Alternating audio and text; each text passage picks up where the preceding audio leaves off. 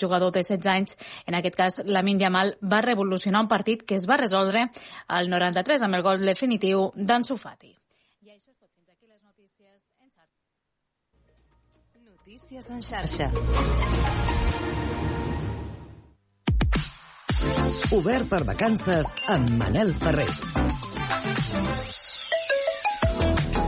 10 i 4, seguim a l'Obert per vacances. Sou uns oients molt atents, eh? perquè ara em dèieu, Manel, és que els eh, rumberos al ventilador com a tal no estan a la xarxa més. És que esteu totalment eh, en lo cert, m'he equivocat jo, perquè el que podeu trobar ara mateix, ja si entreu a la xarxa més, és El ventilador, que és el documental que repassa la història sobre la rumba a casa nostra i que és aquesta producció que lluita també per aconseguir que sigui declarada la rumba Patrimoni Cultural Immaterial de la Humanitat per la UNESCO. Per tant, si aneu ja a la xarxa més i podreu trobar El ventilador, una història de rumba. I dit això, nosaltres, 10 i 4, seguim endavant. Uh-huh.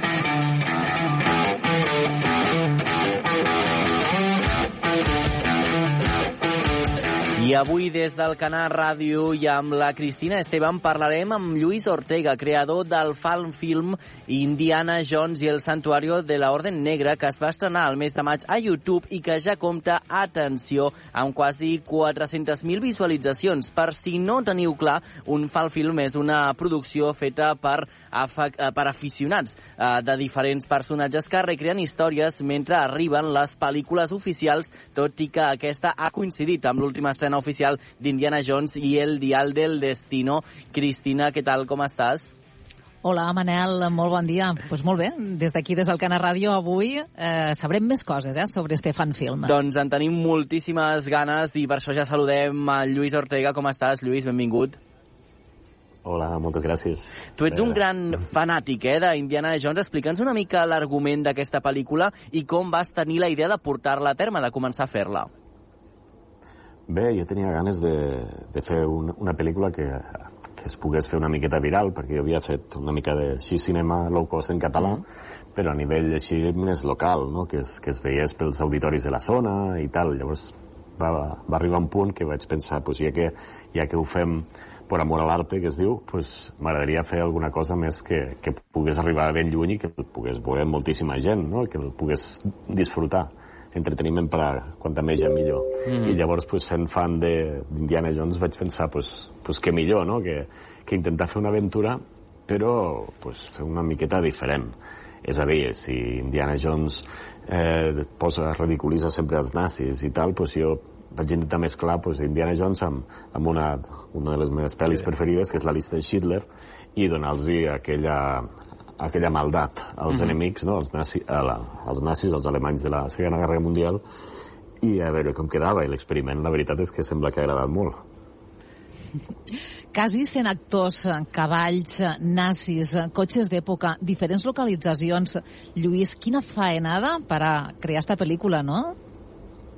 Sí, sí, la veritat és que vam dir si, si la fem, fem-la el més gran possible i l'homenatge més gran que es pugui fer internacionalment parlant a, a la saga, no? perquè cada any eh, de diversos països es fan, es fan diversos fanfilms, no? I, i llavors vam dir, pues, bueno, ja que, ja que ens hi fiquem, ens hi fiquem en sèrio. Llavors pues, va, vaig començar a buscar, a, a moure per a trobar els cinc castells, perquè la pel·lícula va sobre, sobre el castell Clar. de Wewelsburg, que el, que el que es diu el Vaticà nazi, i llavors eh, per representar aquest castell real vam tindre que buscar, pues, eh, clar, no podíem viatjar a Alemanya, i llavors vam buscar pues, el castell de Penyíscola, diversos indrets de per aquí, cinc castells en total per, per representar aquesta gran fortalesa i, i bé, bé, la veritat és que va quedar molt bé.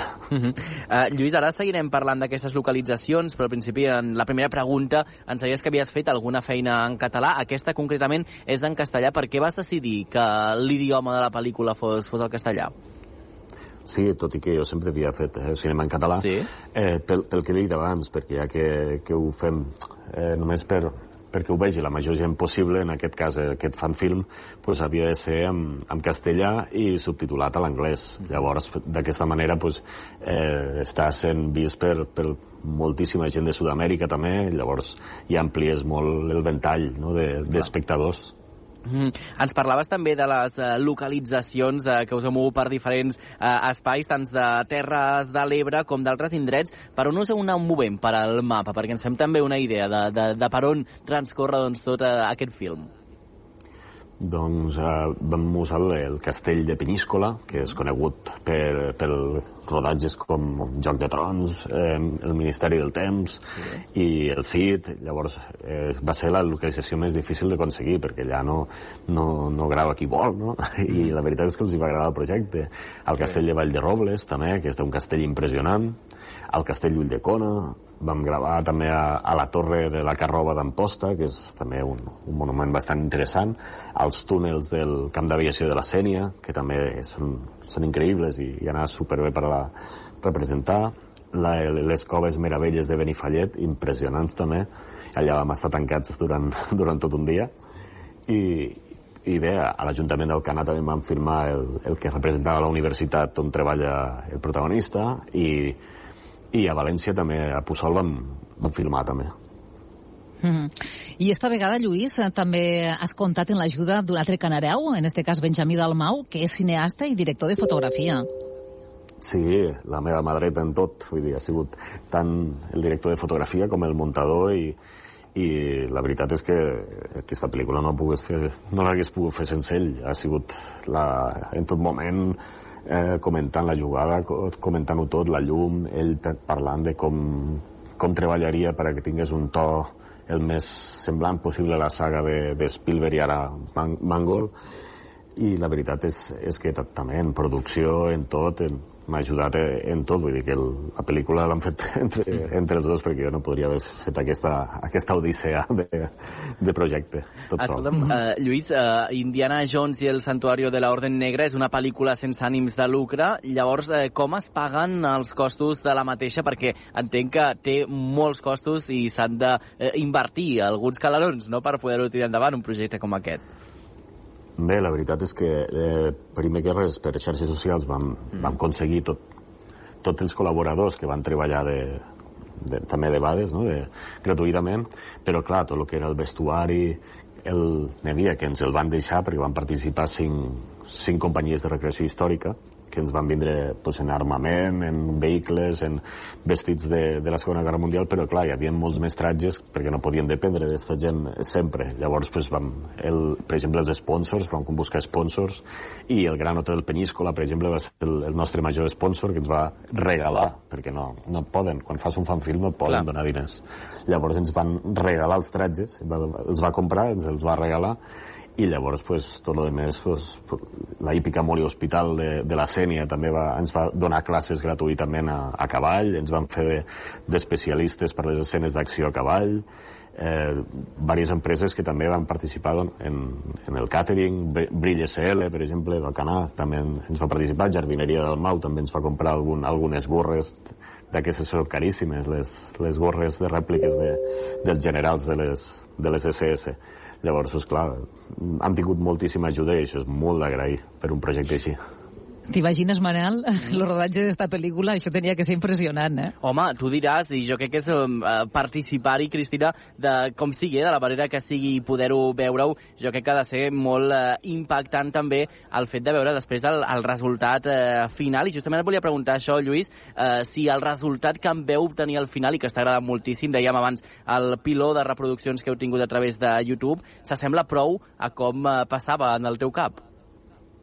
Sí, realment és el, el resultat que jo desitjava i no, no vaig voler parar fins que tant els efectes especials com la banda sonora com el, el muntatge va ser tal qual el, el tenia ideat jo, no? no jo pensava, pues, mm, no puc permetre que tanta gent ha col·laborat, tanta gent ha ajudat, mm -hmm. no puc de decebrels i té, té que ser tal qual ho vaig dir des del principi, no puc, no puc conformar-me i, i la veritat és que sí, és talment com jo, com jo la desitjava, aquesta pel·lícula. Que bé. A, a, a més, anava a preguntar a Manel que, que també esta, banda son, esta pel·lícula té una banda sonora pròpia, no? Que, com us ho pots explicar, això, eh, Lluís? Sí, jo la veritat eh, una, una de les coses dels fans films que, que es fan arreu del món eh, que em fa molta, eh, molta, molta ràbia és quan agafen el CD de John Williams i, i el posen allà tal qual. No, jo penso que, que la música ha d'anar d'acord amb les imatges que, que ensenyes, no? L'acció ha d'anar, la música ha d'acompanyar l'acció. Llavors ja vaig estar buscant un compositor i va ser una búsqueda molt, molt difícil, més, més difícil que buscar l'arca perduda, quasi. I fi, finalment vaig, vam trobar Mario Busto a València, que és un compositor excel·lent, i ens va... no vam tindre cap tipus de problema. Vam, va escoltar-nos i jo li deia, pues, bueno, vull una banda sonora original d'aventura, d'amor, de terror, eh, però que de tant en quant pues, donem-li un, un, una clocada d'ull a, la, a, la, a la saga clàssica, un tatarata de tant en quant pots deixar anar i, i així pues, tots contents. I sí, sí, la veritat és que ens vam entendre i ho va fer perfecte, perfecte. I, i la banda sonora ha sigut molt valorada per la gent. Mm -hmm.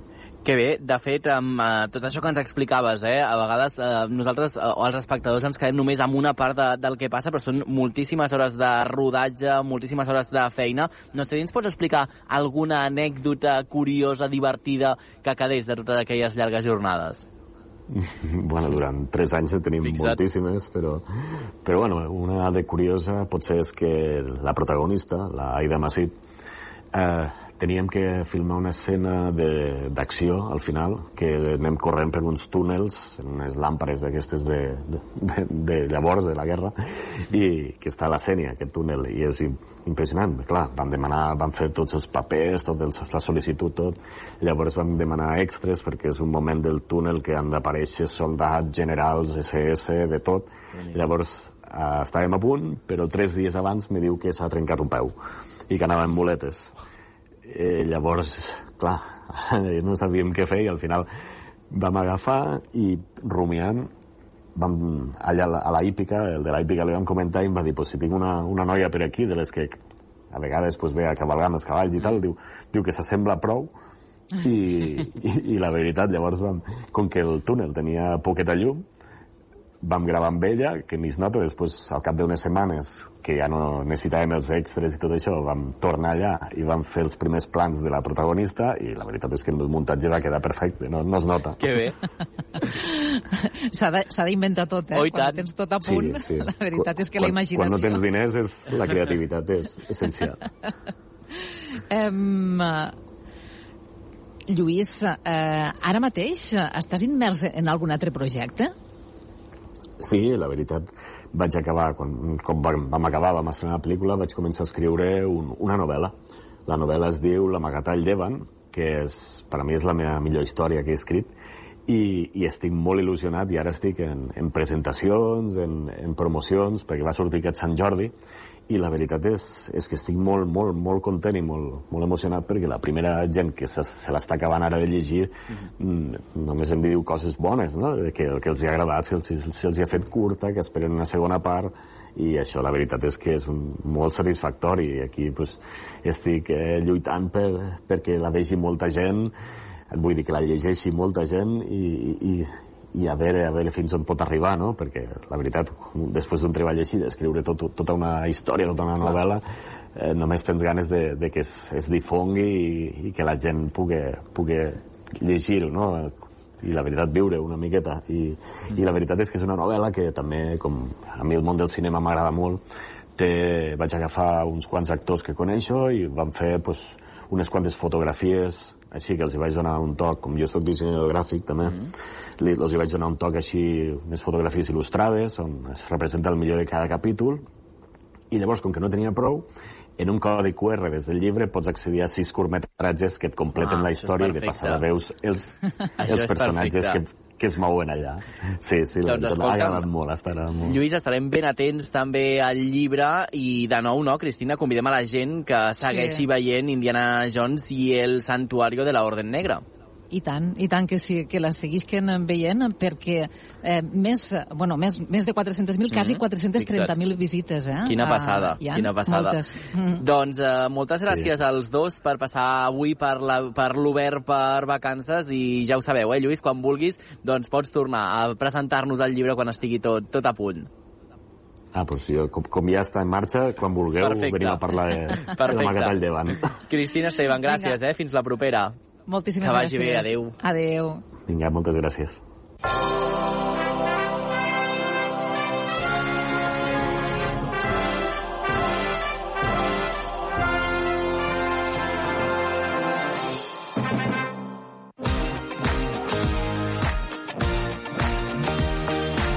Obert per vacances.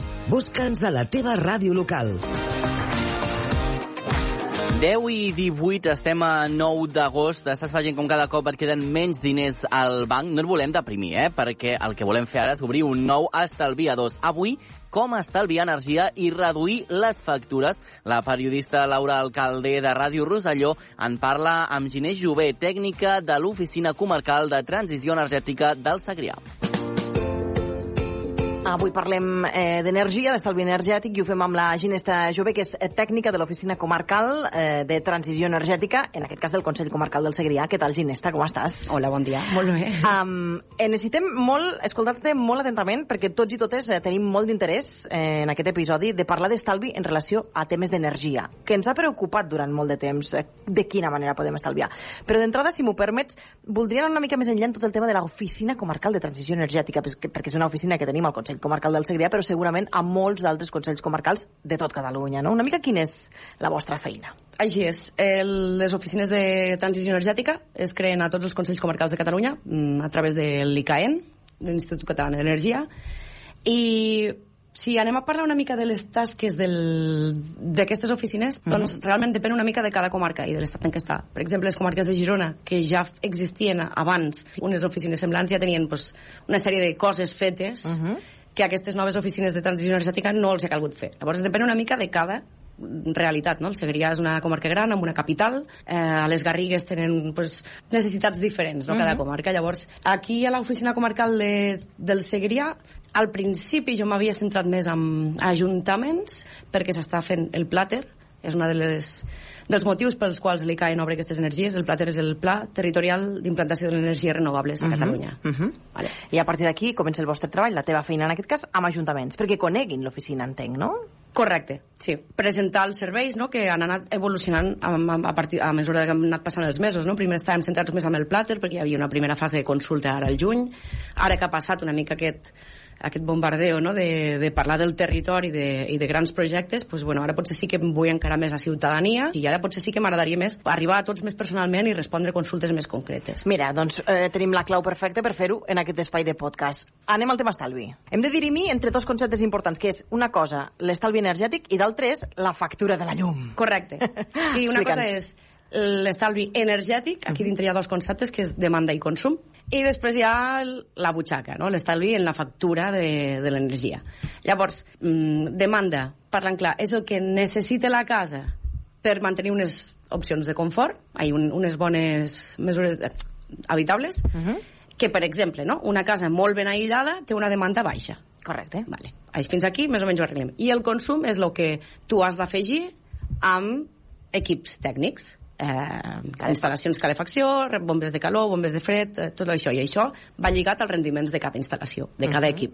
I després, la factura elèctrica és el que deriva d'aquestos. Llavors, primer ens centrem potser el que a la gent el que la gent primer veu, que és la butxaca, vale? llavors factura elèctrica, perquè la gent entengui la diferència de factures ja i també potser entendre una mica el que ha passat amb aquest 2022, no? que hi ha hagut aquest mm, desbarajuste a nivell de preus. Vale? Sí.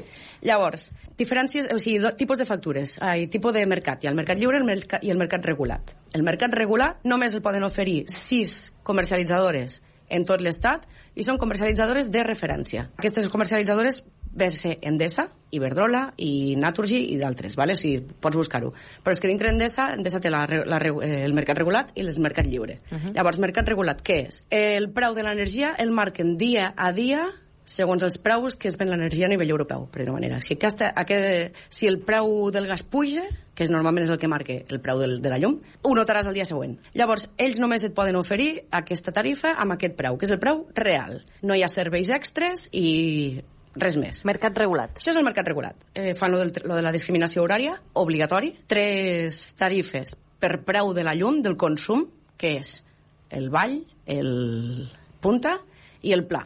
I després hi ha dos tarifes de potència. Potència vindria a ser... O sigui, el consum és el que tu estàs gastant, el que surt de l'aixeta, i la potència és, diguéssim, el diàmetre de la tuberia per on t'arriba la- l'aigua. No? Mhm. no sé si m'explico bé. Sí. Vull dir, si jo sé, i tens la dels caps de setmana i nits, que n'hi ha dos, i la del 8 a 10. Què ens permet això? El mercat lliure. Fan el que volen. Per dir una manera, ells poden oferir-te un preu fixe durant tot l'any per les dos tipus de tarifes, poden, fer, tari eh, poden tenir dos, dos preus, al igual que la regulada, et poden oferir un, peu, un preu únic tant matí, dia, nit com cap de setmana. Vull dir, aquí és una mica fan el que vulguin. Què passa amb el mercat lliure? Normalment hi ha serveis extras. Per exemple, manteniment. Eh, aquí t'inclou un manteniment o una assegurança de... Això la, el regulat no ho pot fer, només pot cobrar-te la llum, no et pot cobrar serveis extras. Eh, llavors dius, quin és millor, o un o l'altre? Doncs pues depèn. Depèn perquè, mm, per exemple, eh, una, una persona com jo que durant el dia sóc fora de casa, no? i els caps de setmana sóc més a casa i tal. Si els meus hàbits són posar les rentadores per la nit i, o durant el cap de setmana, m'interessa més estar al mercat regulat perquè durant el dia doncs, no sóc a casa. Ara, algú que durant te- teletreballa o que estan jubilats o que treballa a casa el que sigui, potser sí que li interessa estar al mercat lliure i tenir un equilibri entre el cap de setmana i la nit. Tanca, un preu tancat, no? Seria una mica més el mercat exacte. lliure? Jo dic, a l'hora de triar factures, perquè el, què és, mercat, què és millor, el mercat regulat o el lliure? Home, doncs depèn sempre de, dels hàbits de cadascú i adaptar-los. Si tu tens pensat, vull fer un estalvi, si tens pensat canviar alguna sèrie d'hàbits, pots fer-ho en base a lo que tu tens contractat o contractar en base a lo que tu vols fer. Perquè aquesta és la qüestió. Quan nosaltres anem a un pis, a viure a un pis de lloguer, per exemple, no? Mhm. eh, quan nosaltres donem d'alta la llum, eh, ningú ens pregunta si volem estar al mercat regulat, si volem estar al mercat... No. Tot això és una cosa que ens ve sobrevinguda i que quan rebem la primera factura diem eh, eh, eh què està passant aquí, no? Exacte. O sigui, és que tenim la mala costum de quedar-nos amb el que hi ha, sense o, o que ens truqui algú i dir, mira, és que t'oferim més bon preu de llum. I potser tu mires i dius, ah, pues sí, el megawatt. Ai, el quilowatt és més barat. Ostres, però mira, el quilowatt és més barat durant el dia, però tu durant el dia no ets a casa. Per tant, no et surt a compte. Exacte, no? Imagina't que et posen un mateix preu de dia i nit i dius, ah, doncs prefereixo això per poder posar la rentadora a l'hora que em doni la gana. Però és que si tu realment durant el dia no ets a casa, o només ets les últimes hores, no et val la pena. Clar. O sigui, hem de ser molt conscients de que hem d'analitzar el nostre, els nostres hàbits. O sigui, l'estalvi comença per la nostra... per entendre Per prou bé... Correcte. Aquí va. Els estalvis comencen per aquí. I sobretot algo que a mesura que després de la crisi eh, energètica van passar l'any passat, eh, alguns comencen a ser-ne conscients i de, de, de lo important que és no? revisar la factura elèctrica. Llavors, sobretot, sempre mirar mirar la factura, sobretot lo, lo de la potència contractada, per exemple. Hmm. Un, un consum més o menys d'una casa normal, anem a posar una, pues, com un poble com Rosselló, una casa unifamiliar, no? o una casa adossada, mmm, quatre persones, no crec que el consum, a no ser que la calefacció també sigui de, de elèctrica, normalment aquí hi ha gas natural, Mhm. gas, el que sigui, no? Un no acostuma a ser més de 5 5,5 quilowatts. Llavors, si no, o revises, o inclús 3, pot ser 3 i mig, vull dir, eh, és, tu, a les, des, de fet, des del 2021, a la factura de llum estan obligats a posar-te el consum, els pics de consum que has tingut, i si no, es poden consultar. Revisar el que fas tu a casa teva i adaptar-ho. Per tant, hi ha una mitjana que poguéssim... mm, Un, un, un número que poguéssim memoritzar per dir, mira, més o menys, aquesta seria la potència. Hem de, depèn No consum. no m'atreveixo a dir-ho perquè, clar, depèn si tens aires acondicionats, si no, si tens vitroceràmica o no, eh, la calefacció, si la caldera d'aigua calenta sanitària és, és elèctrica o no. No m'atreveixo a dir-ho, però... Perquè cada casa és un món. Correcte. D'acord. Em, ara et volia preguntar una cosa jo. Eh, tot això que s'està posant tant de moda de les aerotèrmies, Uh -huh. que és un nou sistema no? que s'està implantant en moltíssimes cases, eh, tot això consumeix molta llum, no? Més enllà de que sigui una energia renovable i que doncs, eh, suposo que té molts eh, avantatges, en termes de llum, mm, la màquina està enxufada, no? Al meu punt de vista tècnic no la tinc a casa, per tant, no, o sigui, no he pogut comprovar personalment, no? però és dels sistemes de climatització més eficients que existeix. És que per molt que, que consumeixi més llum, més llum l'estalvi que tu tindràs amb gas o, o a nivell per cobrir aquesta demanda de, de, la, de la casa per estar bé, a casa amb una temperatura bé, és eficient. Ara, faria aerotèrmia en una casa del 1985? No, sense fer abans altres coses. Revisar els aïllaments, el, exacte, llavors sí que hi ha una inversió major. Em, anem als consells mm, de peu, una mica, no? Perquè parlem molt dels hàbits eh, i hem dit que l'estalvi neix sabent una mica la nostra, eh, el nostre anàlisi de consums del dia a casa nostra, no? Mhm. eh, de quina manera podríem estalviar en termes de llum? Uh, ara anem a parlar de consums, Vinga. que no factura elèctrica. els consums.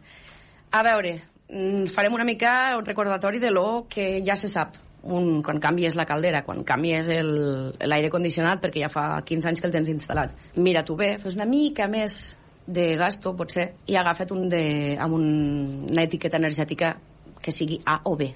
Llavors, és algo realment a tenir en compte, perquè és que gastem molta energia eh, elèctrica i cada cop més.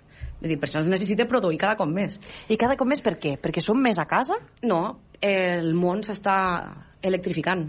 No sé com dir-ho, vull dir, els patinets abans anaven a força de cama i ara s'enxufen, no? Vull dir, ara Les van- bicicletes són elèctriques. les bicicletes són elèctrics, els cotxes són elèctrics, vull dir, mm, és la tendència a que tot s'electrifiqui. Uh -huh. eh, anem al consum, eh? Érem aquí al consum. Eh, Sí. De quina manera podem re redreçar el consum? Vale, el consum, a veure, hi ha les mesures barates, les mesures més cares, com todo. Vull dir, al final, a mi m'agrada parlar d'això perquè últimament, com que la gent quan parla de, pensa en eficiència energètica o va molt a les ener- energies renovables i pensa molt a, oh, em posaré plaques a casa. Ostres, i llavors ho veus i dius, ostres, doncs mira, la meva taulada doncs, està mal encarada. Vull dir, està al nord o, mm, o a l'est, nord-est. Vull dir, no, potser no... Abans de fer això, abans de gastar-te res, amb, vés a fer millores amb la demanda, no? a, a, a fer més, més a, a baixar la demanda de casa teva. Maneres que de, de bé, a nivell de consums estem parlant de reguladors d'aquestos que es posen a cada radiador, per exemple, són, són mesures realment que no són massa cares, no has de fer obres a casa, són poquetes coses i que al final estem parlant que l'estalvi potser és un 6, 7, 8% de- d'eficiència energètica. Els electrodomèstics. Cal que te canvis la caldera per una ara mateix? Bueno, espera't que s'espatlli. Potser no, vull dir, no cal que anem Que a córrer. Que s'espatllarà. Exacte, vull dir, és, Perquè això al final l'obsolescència aquesta programada és real, eh? Totalment, vull dir, al final vols canviar, vols posar una caldera més, més eficient? Pues espera't que s'espatlli. L'optimització de l'ús de la calefacció és super important. Vull dir, això sempre se'ns havia dit, és que de... no cal apagar la, la calefacció quan marxes de casa. Si marxes una hora o dos, pues no. Però si has de marxar tres dies perquè te'n vas de vacances, pues depèn de com sí. Potser sí. Llavors potser durant un dia o durant una nit aquell dia pues, hauràs de posar-te un pijama més abrigat. Pues sí, però és el que dic, no? Hem de, tots anem a canviar hàbits. Per cada grau que baixes la calefacció a l'hivern i el puges a l'estiu, hi ha un estalvi d'un 5%. O sigui, No, no és lineal. Vull no dir... cal que visquem al pol nord a l'estiu, ni que visquem a Hawaii a l'hivern. Correcte. Canviar l'aïllament de tota una casa és molt costós, és molt difícil, no sempre és possible. Quines opcions tinc? bueno, pues primer, eh, localitzar els ponts tèrmics. Ponts tèrmics és per on la casa per calor o per o guanya calor durant l'estiu, no sé com dir-ho, ¿vale? Anem a mirar què podem fer a nivell bueno, bonito, barato. Uh -huh. Um, per on més se perd? Caixes de persiana. Sí. Allí on s'enrotlla la persiana ha aquell xurro, que tu no, potser no ho has obert mai. I el foradet de qui tenim encara cinta de persiana, per aquell foradet entren tots els vents del món, eh? També podria ser, però bueno, si, si s'ha d'aïllar alguna anem a la caixa. Vull dir, allí dalt se'n perden molt. La porta que dona al carrer, l'escletxa que hi ha sota, els rivets... És que realment són coses que pots comprar a llocs i que realment la instal·lació és fàcil, perquè jo l'altre dia, i per internet, és que pots, pots com aïslar un cajón de persiana. I ara estàvem parlant, això seria unes mesures d'estalvi mitjanes, no?, que seria optimitzar l'ús de la calefacció, més els rivets de les portes, les caixes de persianes, i, i les dues finestres, pues sí, no? Abans, bueno, totes aquestes coses sumades faríem quasi bé un 20% d'estalvi. Doncs déu nhi Ginesta, eh, hi ha moltes coses que podem fer, però sobretot ens ha quedat clar que l'estalvi comença per l'autoanàlisi. Aquest seria una mica el titular, no? Sí, sí, sí, totalment. Doncs moltíssimes gràcies. La Ginesta Jové és tècnica de l'Oficina Comarcal de l'Oficina de Transició Energètica del Consell Comarcal del Segrià. Que vagi molt bé, moltes gràcies. Moltes gràcies a tu, Laura.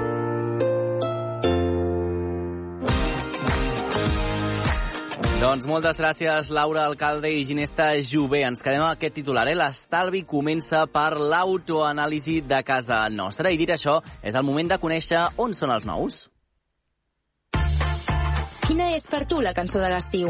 Digue'ns-ho amb una nota de veu al 628 841 055 i podràs guanyar 60 euros per gastar al bon preu esclat.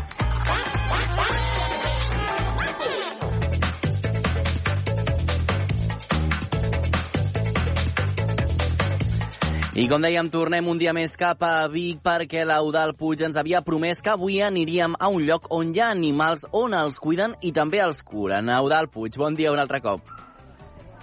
Molt bon dia, Manel. Doncs exacte, em sembla que he donat prou pistes mm -hmm. en la Mhm. primera uh, uh, connexió que hem fet a primera hora del matí, i és que, de fet, us comento, i jo suposo que ja ho haureu pogut endevinar, som en una clínica veterinària. Concretament, avui estem a la clínica veterinària d'Osona, que avui podem uh, parlar amb un dels seus responsables, és ell, ell és en Dani Blancafort, intentarem parlar um, quina és la seva feina que fan aquí, com tracten els animals, i també, més o menys en aquesta època de l'estiu, com poden uh, viure, uh, si poden viure amb molta feina, amb poca o més o menys uh, com va tot. Dani, molt bon dia. Hola, bon dia, Eudal. Um, escolta'm, uh, abans de res, he pogut entrar aquí, ara ho comentàvem abans d'entrar, de, um, esteu col·lapsats, hi ha molts animals i molta gent que, sent agost, uh, això potser és una miqueta estrany, no? Sí, sí, bueno, estrany no, ha canviat molt. L'agost ja no és aquella època que no hi havia ningú pel carrer, que no es feia res, això ara és un mes que es treballa molt, que molta gent té vacances doncs, 15 dies, però en marxa 7, i els altres 7 els dedica a fer coses. Una d'elles, cuidar-se del seu animal de companyia. Jo et volia preguntar en el sentit de quin és l'origen d'aquesta clínica veterinària, com és que uh, vau decidir ficar-vos aquí i crear-la. Uf, uh, clar, el món de l'animal de companyia ha canviat moltíssim. Jo porto ja 3, 30 anys treballant, però jo ja vaig començar amb un, amb un company, amb Josep Plans, que havia set el pioner que havia fet aquesta clínica en un moment en què els veterinaris feien de tot. Uh, gossos, gats, però sobretot producció, i més aquí a la comarca, que és un, una comarca molt agrícola, molt, molt veterinari, feia porcs, feia vedells, i quan tenia alguna més a fer, feia animals de companyia, però en 30 anys això ha canviat exponencialment i el món de l'animal de companyia ara ens movem amb un altre paràmetre, no, som, no és producció, és, és cura d'un animal que per molta gent és un mes de la família.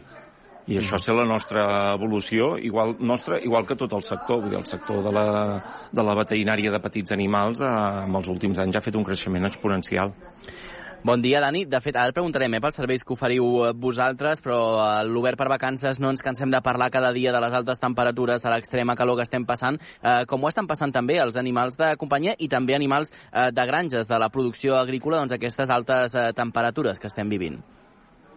La veritat és que molt malament, igual que nosaltres, però el problema és que concretament això que deies últim dels animals de producció mm. és un drama perquè els animals no mengen, si no mengen no creixen, si no creixen no s'engreixen i això minva les produccions de les granges.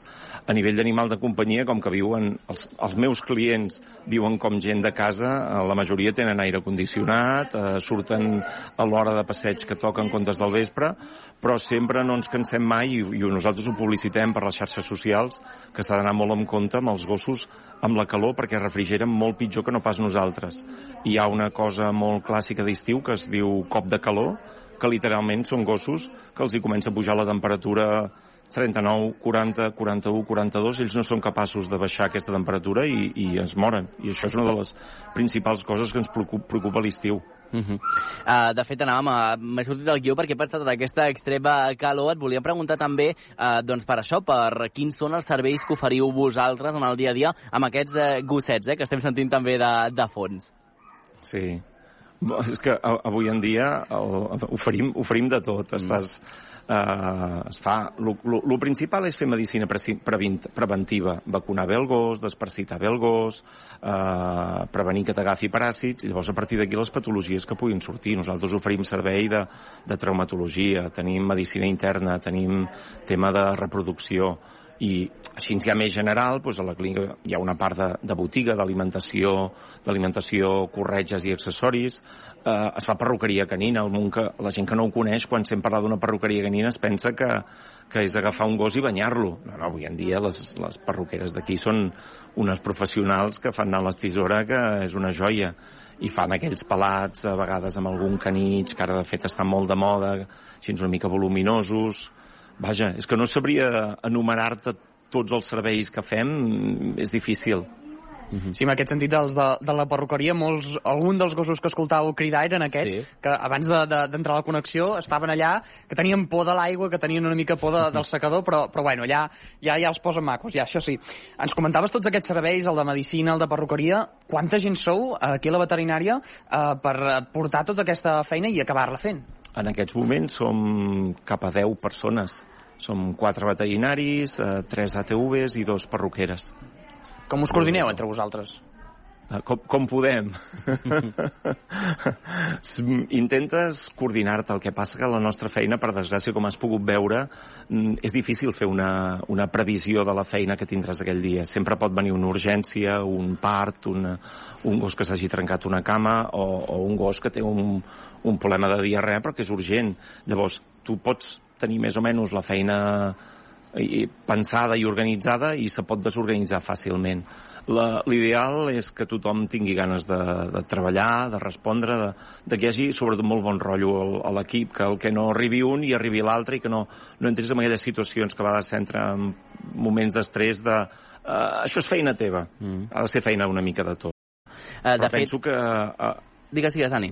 Penso que tant, tant aquí com a tot arreu, eh, totes les, tot les, les empreses aquestes mitjanetes, que és l'entremat principal d'empreses del país, crec jo, aquestes empreses de, de 8, de 10, de 15, de 20 persones, o hi ha una bona voluntat, o aquí no hi ha, aquí no hi ha qui ho arregli. Uh mhm. -huh. Ara, si ja m'estàs parlant d'una empresa d'aquestes enormes de 200, 300 treballadors, és una altra història, i quan és un autònom tot sol, com que sap que s'ho ha de menjar ell tot sol, tampoc no hi ha problemes. Clar. De fet, Dani, aquí a l'Obert per Vacances tenim una, un podcast eh, cada setmana que es diu Servei de Guàrdia, que parlem justament doncs, de tot aquest sistema d'emergències de les guàrdies que realitzen diferents serveis i justament et volem preguntar també a tu per això.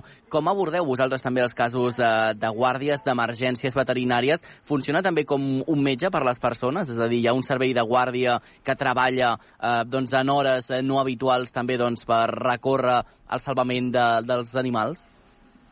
Sí, nosaltres tenim... De fet, nosaltres el que fem és el que en diem guàrdia telefònica, mm -hmm. que és que sempre hi ha un telèfon a disposició dels nostres clients per poder-nos localitzar fora d'hores. Moltes vegades és senzillament una consulta i a vegades és una cosa més de no, no, baixa-me-la a la consulta, jo obriré i ens, i ens trobarem. També hi ha altres centres que són directament hospitals veterinaris. Eh, aquests són molt més grans, eh? de seguida estem parlant de 10 i 12 veterinaris i aquests sí que tenen un, una persona allà present les 24 hores, un veterinari. Mhm. -huh. Sí, i es volia preguntar més en el sentit eh, de curiositat, de, al llarg de tota aquesta història que porteu aquí a la clínica, eh, quin potser és l'animal més estrany que us han portat o si no heu arribat a tractar de tot? Perquè, clar, d'aquí us venen gats, us venen gossos, però potser el més exòtic, el més estrany? De coses rares sempre te'n cauen. Jo eh, he visitat un tigre d'un zoo, ens han portat serps d'aquestes una mica grossotes, una, una piton, eh, vaja, mm, de tot et passa. Burros, en el seu moment, quan es van posar de, de moda, ens va tocar algun... Ara no em surt el nom. Eh, els estrussos. Mm -hmm. Els estrussos també tenien teles, clar. Es va posar de moda criar estrussos, però no hi havia veterinaris que sabessin d'estrussos. Llavors, a vegades venien a recórrer doncs, amb, amb, amb algú que pogués tenir més coneixements així amb exòtics. Mm -hmm. Jo et volia també preguntar, amb aquest, uh, reprenent el tema anterior del, de l'estiu i de la calor, um, quin consell donaries per uh, la gent que té els seus animals uh, a casa, potser tot el dia, o que els treu una passejada de tant en tant uh, en el llarg del dia, perquè passessin més bé la calor, a banda de això que comentàvem, no? de tenir-los en una zona ben aclimatitzada, també que tinguessin aigua, un lloc uh, agradable, fresc. Quin consell donaries a aquestes persones? Que no facin la bestiesa de treure'ls al, al migdia, a l'hora de la calor, que a vegades la gent els treu al migdia. No, és que només pugui aquesta hora i pobret ha de sortir a fer pipí, perquè hi ha, hi ha gossos que em venen directament amb els peus cremats de caminar pel damunt de l'asfalt, la gent no n'és conscient, però tots hem vist aquella imatge de tirar un ou ferrat amb un asfalt mm -hmm. i, que es, i que es cou, tu imagina't el pobre gos caminant descalç per allà sobre, vull dir, fugir del sol i de les hores de calor, però és, és actuar amb una mica de, de seny no té, no té gaire més secrets. Mm. Si tu no sortiries a les dues del migdia, Clar. el gos tampoc hi sortiria. Doncs res, Dani, moltíssimes gràcies per atendre'ns aquí a l'Obert per, per vacances i tu, Manel, ja ho veus, això és l'ambient aquí que respira aquí en aquesta clínica veterinària d'Osona, uh, ple a tope d'animals, aquí mm -hmm. a, avui ple d'agost, sí. Doncs escolta'm, si estan desbordats, eh, Dani, podeu quedar-vos un rato, si voleu, amb l'Eudal, que ell us ajudarà encantat a qualsevol tasca que li pugueu encomanar. Molt bé, prec nota, Molt prec bé, nota. que vagi molt bé. Fins la propera. Gràcies als dos. Adéu. Adéu.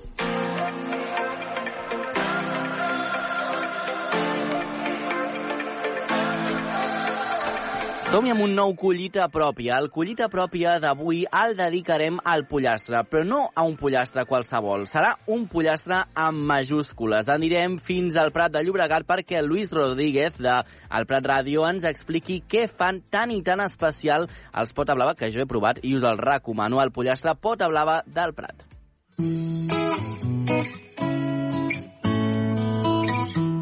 Collita pròpia.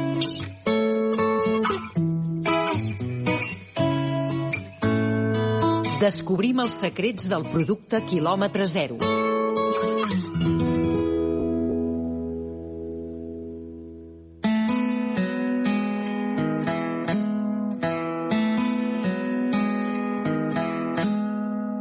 Nom. Pollastre raça Prat. Nom científic. Galus galus domesticus. Indret on viu. El pollastre raça Prat o pota blava es cria al Prat de Llobregat i altres municipis del Baix Llobregat de forma majoritària, si bé en podem trobar exemplars a diversos punts de l'estat i fins i tot de l'estranger. Temporada.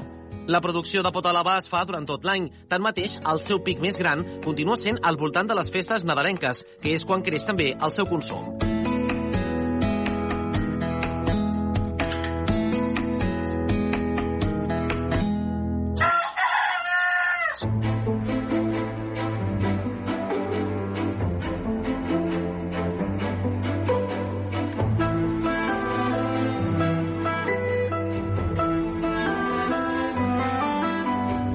Pollastre pota blava, que també dona nom a la gent que viu al Prat de Llobregat, es caracteritza pel color blau pissarra de les seves potes. Aquest és tan sols un dels trets que es van començar a definir a finals del segle XIX, a partir de la selecció que va fer un grup d'avicultors liderats per Salvador Castelló, que va aconseguir un gran reconeixement a nivell europeu. De fet, s'hi van arribar a exposar exemplars de raça Prat a les exposicions universals de Barcelona del 1899 i la de París del 1900.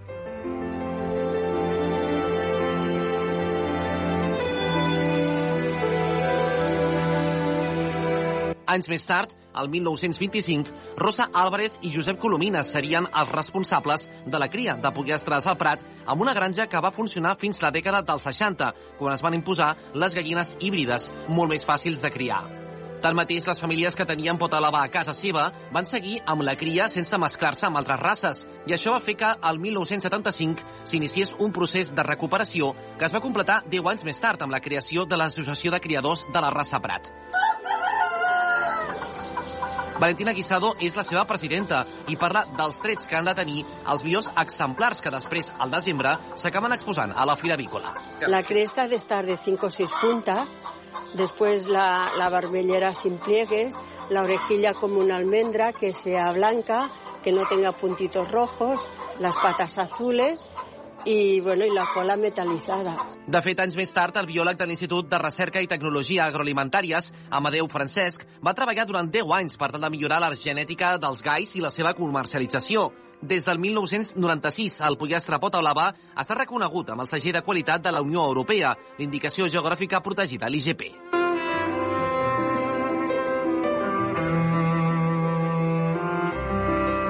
Al Prat, la Granja Torres és l'única que comercialitza el pollastre a pota blava. Ho fa amb un espai únic, a tocar dels espais naturals del Delta, on tenen tot el procés que, segons les normes de la IGP, han de ser d'un mínim d'entre 77 i 182 dies, però que habitualment s'allarga al voltant de 5 mesos per poder tenir un producte amb la màxima qualitat possible. Escoltem Juan Ponce López, gerent de la Granja Torres. Aquí tenemos desde las, eh, las reproductoras, ¿vale? Tanto padres como madres, que son los que ponen los huevos fértiles, recogemos esos huevos fértiles, se llevan a incubar fuera y desde el primer día de vida los tenemos aquí en granja, ¿vale? Eh, hacemos todo el proceso, todo el tratamiento, todos los cuidados que se tienen que hacer hasta que ya los animales son grandes, eh, están ya preparados para, para salir. Fins l'any 2016, el Potalabà era l'únic de tot l'estat amb la IGP, que ara també té el gai del Penedès. De fet, la rivalitat entre les dues espècies és ben present amb les fires avícoles que coincideixen al mes de desembre, quan és més habitual el seu consum, al voltant del Nadal.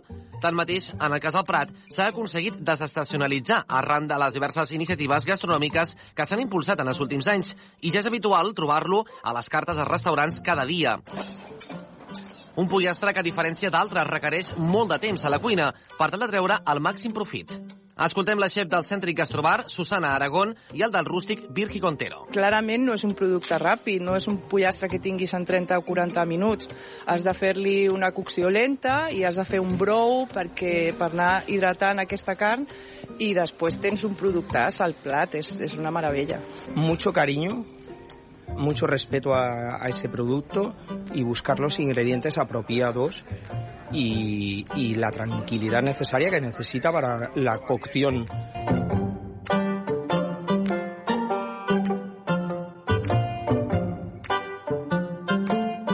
També ha fet molt la comercialització que fa la Granja Torres, venent productes que van des dels ous de potalava a carn i per la gent més mandrosa a l'hora de cuinar, elaborats fets amb pollastre ressaprat. Con todo el esfuerzo que estamos haciendo, con todas las líneas de elaborados, todas las preparaciones que estamos haciendo, que hacemos también despiece del pollo, eh, bueno, estamos empezando a abrir otras vías para facilitar que la gente pueda tener potablava en la mesa cualquier época del año sin que sea un, desem un desembolso grande para la economía, que sabemos que al final estamos todos igual.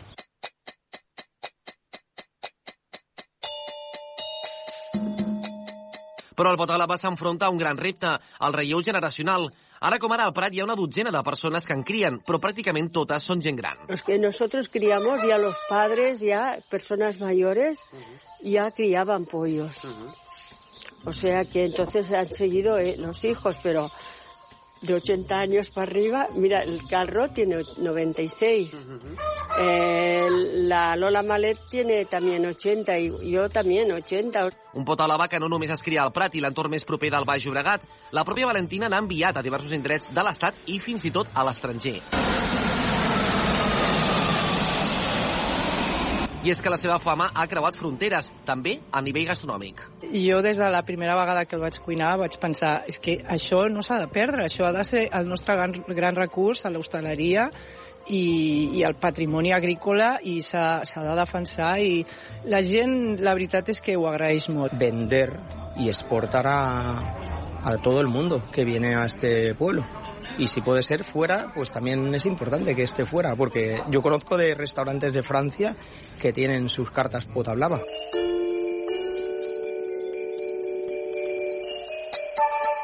Un producte gastronòmic que també és signe identitari del Prat de Llobregat, i és que el blau pissarra de les seves potes també dona nom a la ciutadania del municipi, Pota Blava.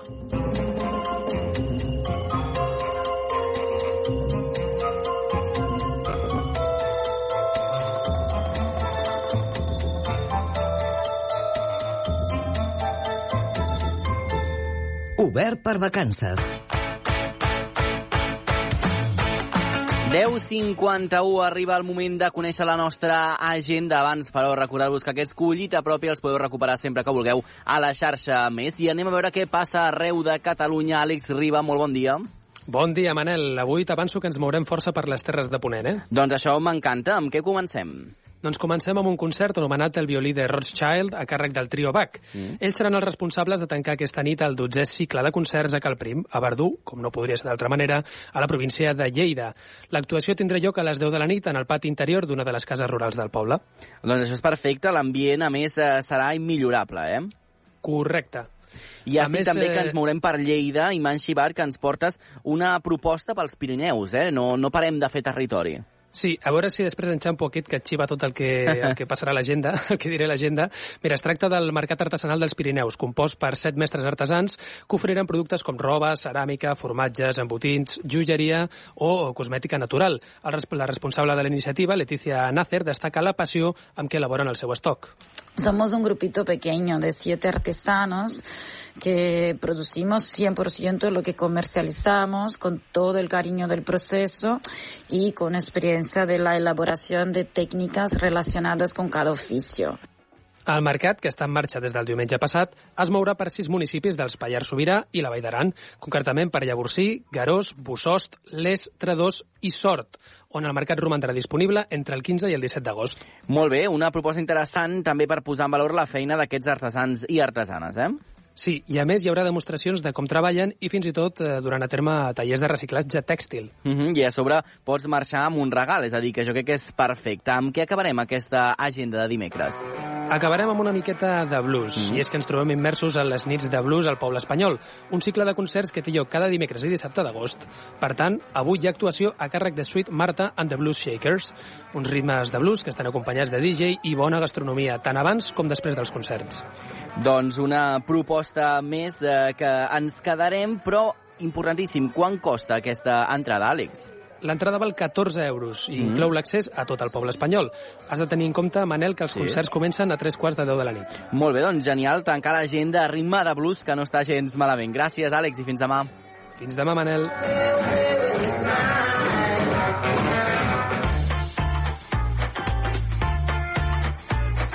Obert per vacances. Cada matí, de 9 a 11, a la teva ràdio local. Anna Gasol, bon dia de nou, com estàs?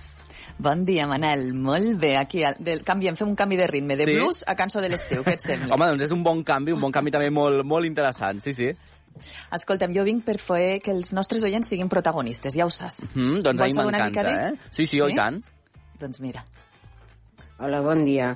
Em dic Joana Banyos i el, la meva cançó de l'estiu és Em dones força. Trobo que és una cançó molt maca i m'agrada moltíssim.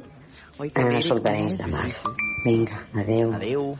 Hola, bon dia, companys. Bon dia. Uh, el meu nom és Josep Maria i, bueno, sóc de Premià, truco de Premià, del Maresme. Està convençut. La meva Maria. cançó de l'estiu és una molt antiga, és la Dolce. Vita. Eh, bueno, pues és simplement perquè em recorda aquells estius de, de vacances, de quan érem joves, i, bueno, pues sempre, Els 80, sempre eh? remou, remou antics records. Eh, sí. moltes gràcies i que vagi bé. Adéu. Hola, bon dia. Bon dia. Soc la Yolanda de Riells i Viabrea. dia, la meva cançó preferida de l'estiu és la barbacoa del George Dan. Adéu, bon dia. Como me gusta, Me gusta la barbecue. M'encanta. Escolta'm, en aquesta de Dolce Vita, tu la coneixes, Anna? Jo la conec, però no me la facis cantar. Una mica, és que no en tinc ni referències, Aquesta, això. És aquesta? sí, sí que la, és aquesta. No, no. A veure si, si em sona. Home, a mi també em recorda, eh? Platja així al Sí? vespre, sí, un beuret, no? I anar ballant. Molt bé, però ara no ens portem tanta diferència d'anys i a mi aquesta cançó, de veritat, que no... No? A veure, Manel, aquesta cançó jo no havia nascut quan va sortir. Val, d'acord. Llavors pot ser que tinguis una cultura musical una mica més elevada que la meva i per això per em passis per davant, eh? Clar, això el que- Carles ens deia que va ser cançó seva de l'estiu. Mm. I el Carles ja s'apropa a la cinquantena. Clar, clar, no, Supera a la mi, cinquantena. a mi perquè m'agrada la cançó en si, eh? Però Sí. no, no, no perquè Ah, estigui de quan jo... Vita. Na, na, na. Ara sí, amb el ritme sí, Sí, que la no? puc ubicar. Clar. Sí, sí. Escolta, m'han fet referència a Georgi Dan i jo crec que és un senyor, Anna, que hauria de tenir un dia un espai especial a l'Obert per vacances, eh? Home, estic absolutament d'acord. és la cançó de l'estiu per, de per excel·lència és del George Dan. Totalment. Doncs escolta'm, uh, seguiu participant amb la nostra cançó de l'estiu, 628 841 055, 628 841 055, i què hi ha en joc? Ràpidament, Anna. 60 euros, 60 euros que es poden bescanviar a qualsevol supermercat bon preu perquè s'afegiran a la targeta client. Molt fàcil de fer-se i rapidíssim. I a més no cal que ho gastis tot de cop, pots anar-ho gastant a poc a poc. Per tant, ja ho També, sabeu, veritat. és meravellós aquest premi i el Carles inclús està recordant on ballava aquesta cançó al Big Ben de Mollerussa. Fixa't com queda Ui! repartit tot plegat. Sí, sí, Ens meravellós. trobat allí, eh? Uh, ai, mira, que l'Anna Gasol també Clar, diu que a us movia per allà. Molt bé, molt bé. Quina de coses que descobrim. Marxem, se'ns acaba el temps. Em quedaria aquí fins la una del migdia. Tornem demà que passin 4 minuts a les 9 del matí. Gràcies, Anna, i gràcies a vosaltres per acompanyar-nos. Adéu. Una abraçada.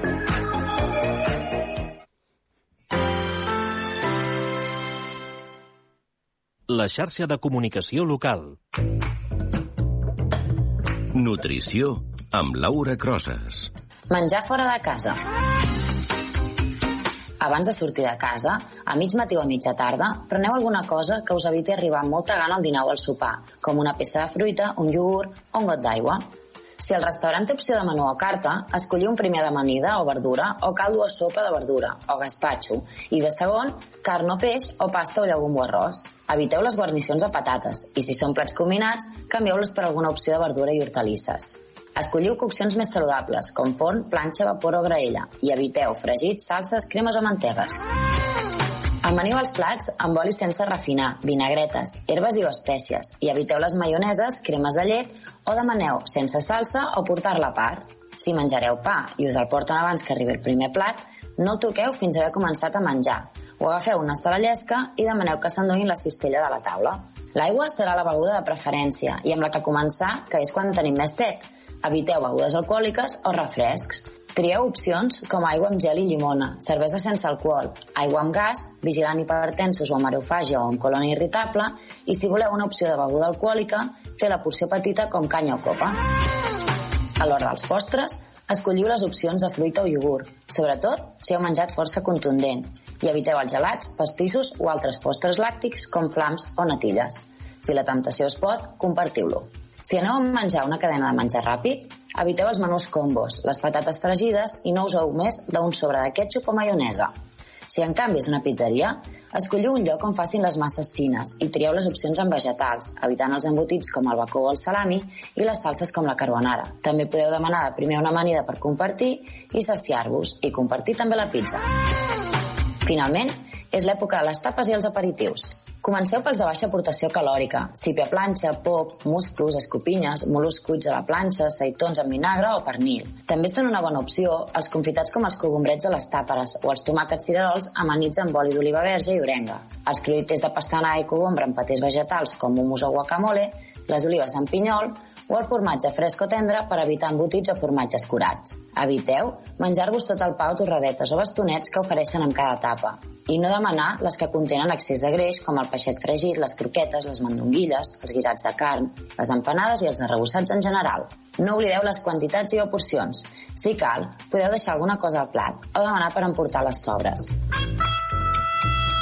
Recordeu, mastegar i no tenir pressa menjant per donar temps al cos d'informar-vos quan sigui saciat i nodriu-vos gaudint de l'àpat, la companyia i l'entorn.